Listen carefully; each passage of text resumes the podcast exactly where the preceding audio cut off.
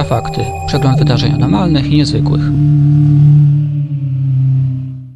Witam w Infrafaktach, w przeglądzie wydarzeń anormalnych i niezwykłych minionego tygodnia. Mówi Michał Kuśnierz, razem ze mną jest jak zwykle Piotr Cielęgiaś. Witaj Piotrze. Witam.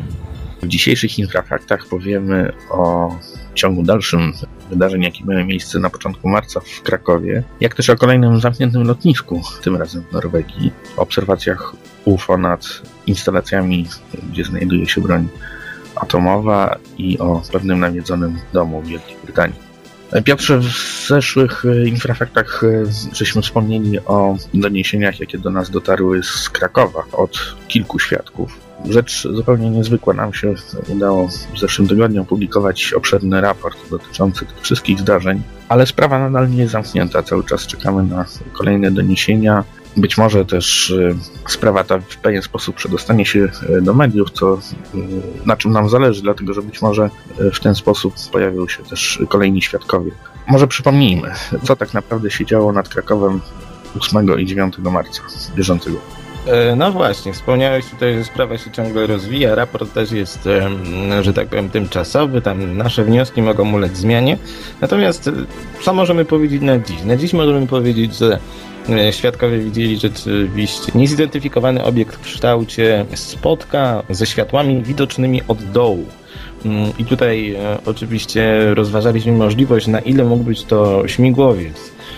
Doszliśmy jednak do wniosku, że obiekt obserwowany był na tej wysokości i w takich okolicznościach, że musimy to niestety wykluczyć. Tym bardziej, że kilka dni później po tych wydarzeniach coś podobnego rozegrało się w województwie podkarpackim. My niebawem opublikujemy raport na ten temat autorstwa Arka Miazgi i tam widziany był również bardzo podobny obiekt. I teraz pozostaje pytanie, co tak naprawdę widzieli świadkowie i jak duży był margines błędu w czasie obserwacji, który, które mogli popełnić. Według mnie jednak mamy tu do czynienia z przypadkami, kiedy nie były to obiekty konwencjonalne. Tam nawet w dwóch tych opowieści pojawia się taki wątek, że zaraz gdzieś tam po obserwacji tego dysku widoczne były w pobliżu helikoptery. Także jeżeli helikopter dało się odróżnić od tego obiektu, no to rzeczywiście możemy mieć tutaj pewne, pewne wątpliwości, że to rzeczywiście były śmigłowce. Natomiast sprawa jest otwarta. My czekamy cały czas na nowe relacje. Może jeszcze wspomnimy tutaj, że Kraków to jedna sprawa, Jasionka na Podkarpaciu i okolice to druga sprawa, a w ostatnich dniach mieliśmy też doniesienia z Częstochowy, gdzie 24 marca obserwowano dwa dziwne obiekty, punktowe obiekty. Według relacji najpierw widoczny był jeden, potem z niego wystrzelił drugi, a potem sobie tak na przemian gasły. Także to jest również ciekawa sprawa. Jest co najmniej kilku świadków tego wydarzenia, także może też ukaże się pewien raport na ten temat. Tak, możemy wręcz powiedzieć, że mamy do czynienia z pewną, pewnego rodzaju ufofalą, prawda? Znaczy, może nie aż w takiej skali, jak to miało miejsce kiedyś, na przełomie lat 70. i 80., ale jednak coś się dzieje rzeczywiście. A jeszcze dodajmy, że poza tymi relacjami świadków, które żeśmy ujęli w raporcie, napłynęły też inne doniesienia z Krakowa, dosyć, bym powiedział, dziwaczne. Pamiętasz, żeśmy mieli kontakt z w zasadzie chyba dwoma czy trzema osobami, które mówiły o tym, że widziały nieruchomy samolot takie same relacje o tym nieruchomym samolocie znalazłem gdzieś tam na forum jednej z krakowskich gazet. Natomiast to, co widział świadek, było niepodobne zupełnie do tego, co obserwowali w tym czasie inni. Mianowicie miało to formę no bliżej nieokreśloną, bo to było dość, dość wysoko. Natomiast przypominało samolot. I tutaj pojawia się pytanie, czy to miało jakiś ze sobą związek. Według mnie, no chyba te obserwację tego nieruchomego samolotu możemy wyjaśnić w jakiś konwencjonalny sposób. Tyle, że obserwacje te, o których właśnie mówimy, dokonane były za dnia, także to jest również ciekawe. Tak, dokładnie. No na pewno będziemy kontynuować tę sprawę i będziemy do niej jeszcze wracać. Być może w kolejnych infrafaktach, w których będziemy bardziej szczegółowo opowiadać o wydarzeniach, jakie miały miejsce na Podkarpaciu, a naszym zdaniem w pewien sposób wiążą się z tym, co miało miejsce w Krakowie.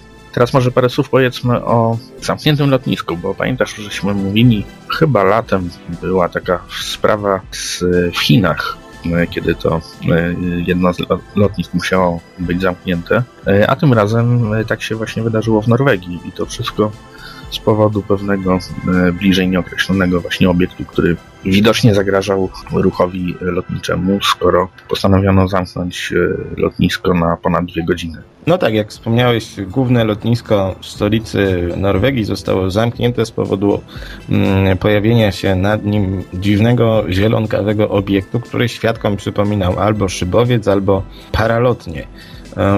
Nie ma jakichś bardziej określonych informacji, co to mogło być. No, główna była taka, że UFO po raz kolejny zamknęło lotnisko i mm, ruch lotniczy musiał być kierowany na jakieś sąsiednie, mm, do sąsiednich portów. Myślę, że ta sprawa mimo wszystko nie jest taka tajemnicza. Mm, przypomina tylko to, co działo się kilka miesięcy temu w Chinach. Mieliśmy dwa przypadki zamknięcia lotnisk również wskutek y, wtargnięcia na, na tnie mm, niezidentyfikowanych obiektów. Do tej pory właściwie nie mamy żadnych informacji. Pojawiły się tylko potem takie przypuszczenia, że e, w Chinach powodem tego całego zamieszania mogły być obiekty wojskowe, ewentualnie jakieś e, samoloty pasażerskie. Tutaj też czekamy na wyjaśnienia. E, wydaje mi się jednak, że ta sprawa nasza z Krakowa, z okolic Balic, o której wspomnieliśmy dosłownie przed chwilą, bo pamiętajmy, że te wydarzenia krakowskie z 8 i 9 rozgrywały się właśnie gdzieś tam w pobliżu Balic, jest znacznie ciekawsza niż to mm, zamknięcie mm, lotniska w Oslo. No ja też myślę, że prędzej czy później się znajdzie konwencjonalne e, rozwiązanie tej zagadki, co spowodowało zamknięcie tych lotnisk, natomiast już dużo trudniej będzie znaleźć takie wytłumaczenie na to, co e, działo się w Stanach Zjednoczonych w okolicach jednej z baz, w których znajdują się wyrzutnie rakiet e, z głowicami jądrowymi. O tym pisał e, Robert Hastings. Pozwoliliśmy sobie opublikować ten artykuł. Dotyczy tego, co działo się w pobliżu bazy lotniczej Warren.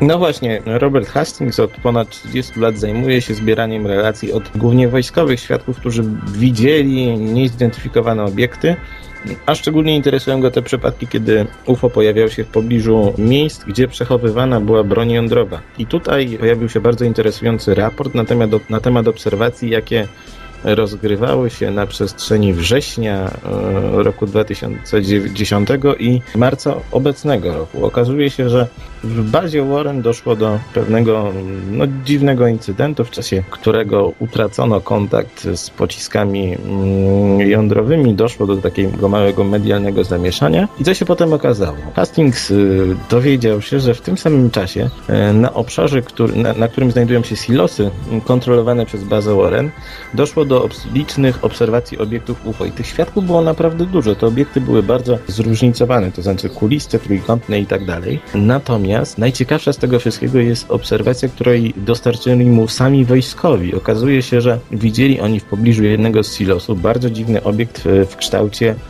sterowca, to znaczy takiego pozbawionego gondoli, wygląda trochę jak latające E, cygaro. No, czekamy na więcej mm, relacji od Roberta. Zainteresowanym tą sprawą polecam mm, e, jego artykuł, mm, który można u nas znaleźć. Nazywa się UFO bodajże, a broń jądrowa. Tam opisane są różne inne przypadki, także te, w których pojawienie się tych obiektów powodowało w jakiś sposób utratę kontroli nad pociskami. Tak, dokładnie. Ja jeszcze przypomnę, że też e, opublikowaliśmy na naszym forum list od pewnego byłego polskiego wojskowego właśnie do Roberta Hastingsa, który nam przekazał, w którym ten wojskowy opowiada o obserwacjach UFO w Polsce właśnie nad bazami wojsk radzieckich, w których prawdopodobnie były też przechowywane głowice jądrowe. A teraz może powiedzmy, zmieniając temat, o tym, co działo się w pewnym mieście w Wielkiej Brytanii, o czym doniosła brytyjska prasa. Otóż pewna kobieta, Liza Manning oraz y, dwójka jej dzieci przeprowadziła się do nowego domu, jednak po jakimś czasie zaczęły dziać się dziwne rzeczy i przerażeni e, musieli kilku, kilkukrotnie opuszczać e, to mieszkanie. Dlaczego? Dlatego, że po prostu pewne przedmioty zaczynały samoistnie się poruszać, pękały szyby, spadały naczynia ze stołu, czyli klasyczny poltergeist. No właśnie, tutaj pani Manning skarżyła się, że dzieją się w domu dziwne rzeczy, jak mówiłeś, gaśnie światło, Poruszają się samoczynnie przedmioty, odsuwają się szufladki. Na miejsce wezwany został oczywiście egzorcysta. Wszyscy myśleli, że to jakiś zły duch. Ten zły duch ponoć nawet e, zabił pieska rodziny Manningów, co ich szczególnie yy, zdumiało. Ponoć rzucił go ze schodów. Ale jak powiedziałeś, to wszystko, co się tam dzieje, przypomina klasyczny przypadek poltergeista, czyli wbrew wszystkiemu nie ducha, lecz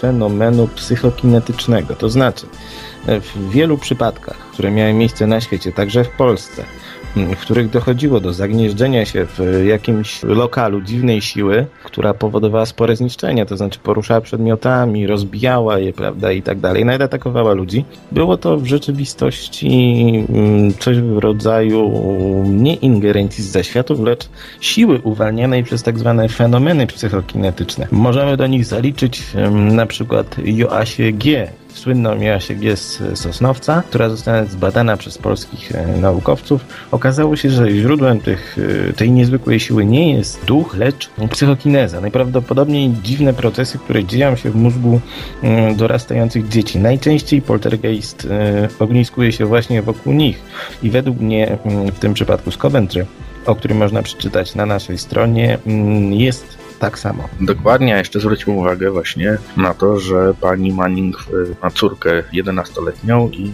6-letniego syna, co jest, y, że tak powiem, pewną taką stałą właśnie w przypadkach poltergeist.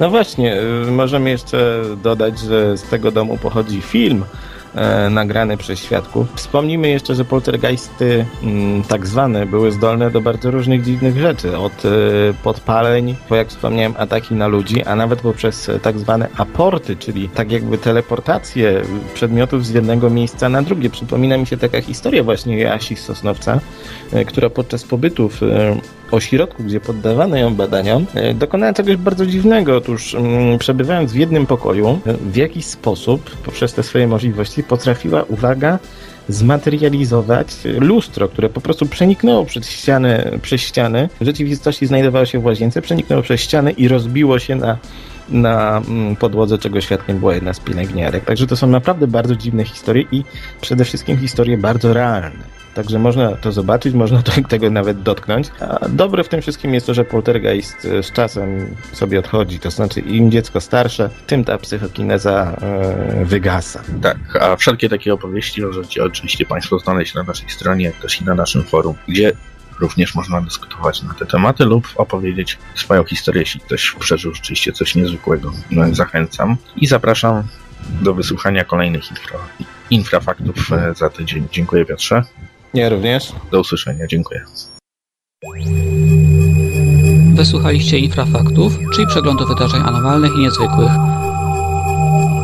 W programie wykorzystano utwór CJ Rogersa pod tytułem Back to You na licencji Creative Commons, realizacja Michał Kuśnierz i Piotr Cielebiaś dla Radia Wolne Media.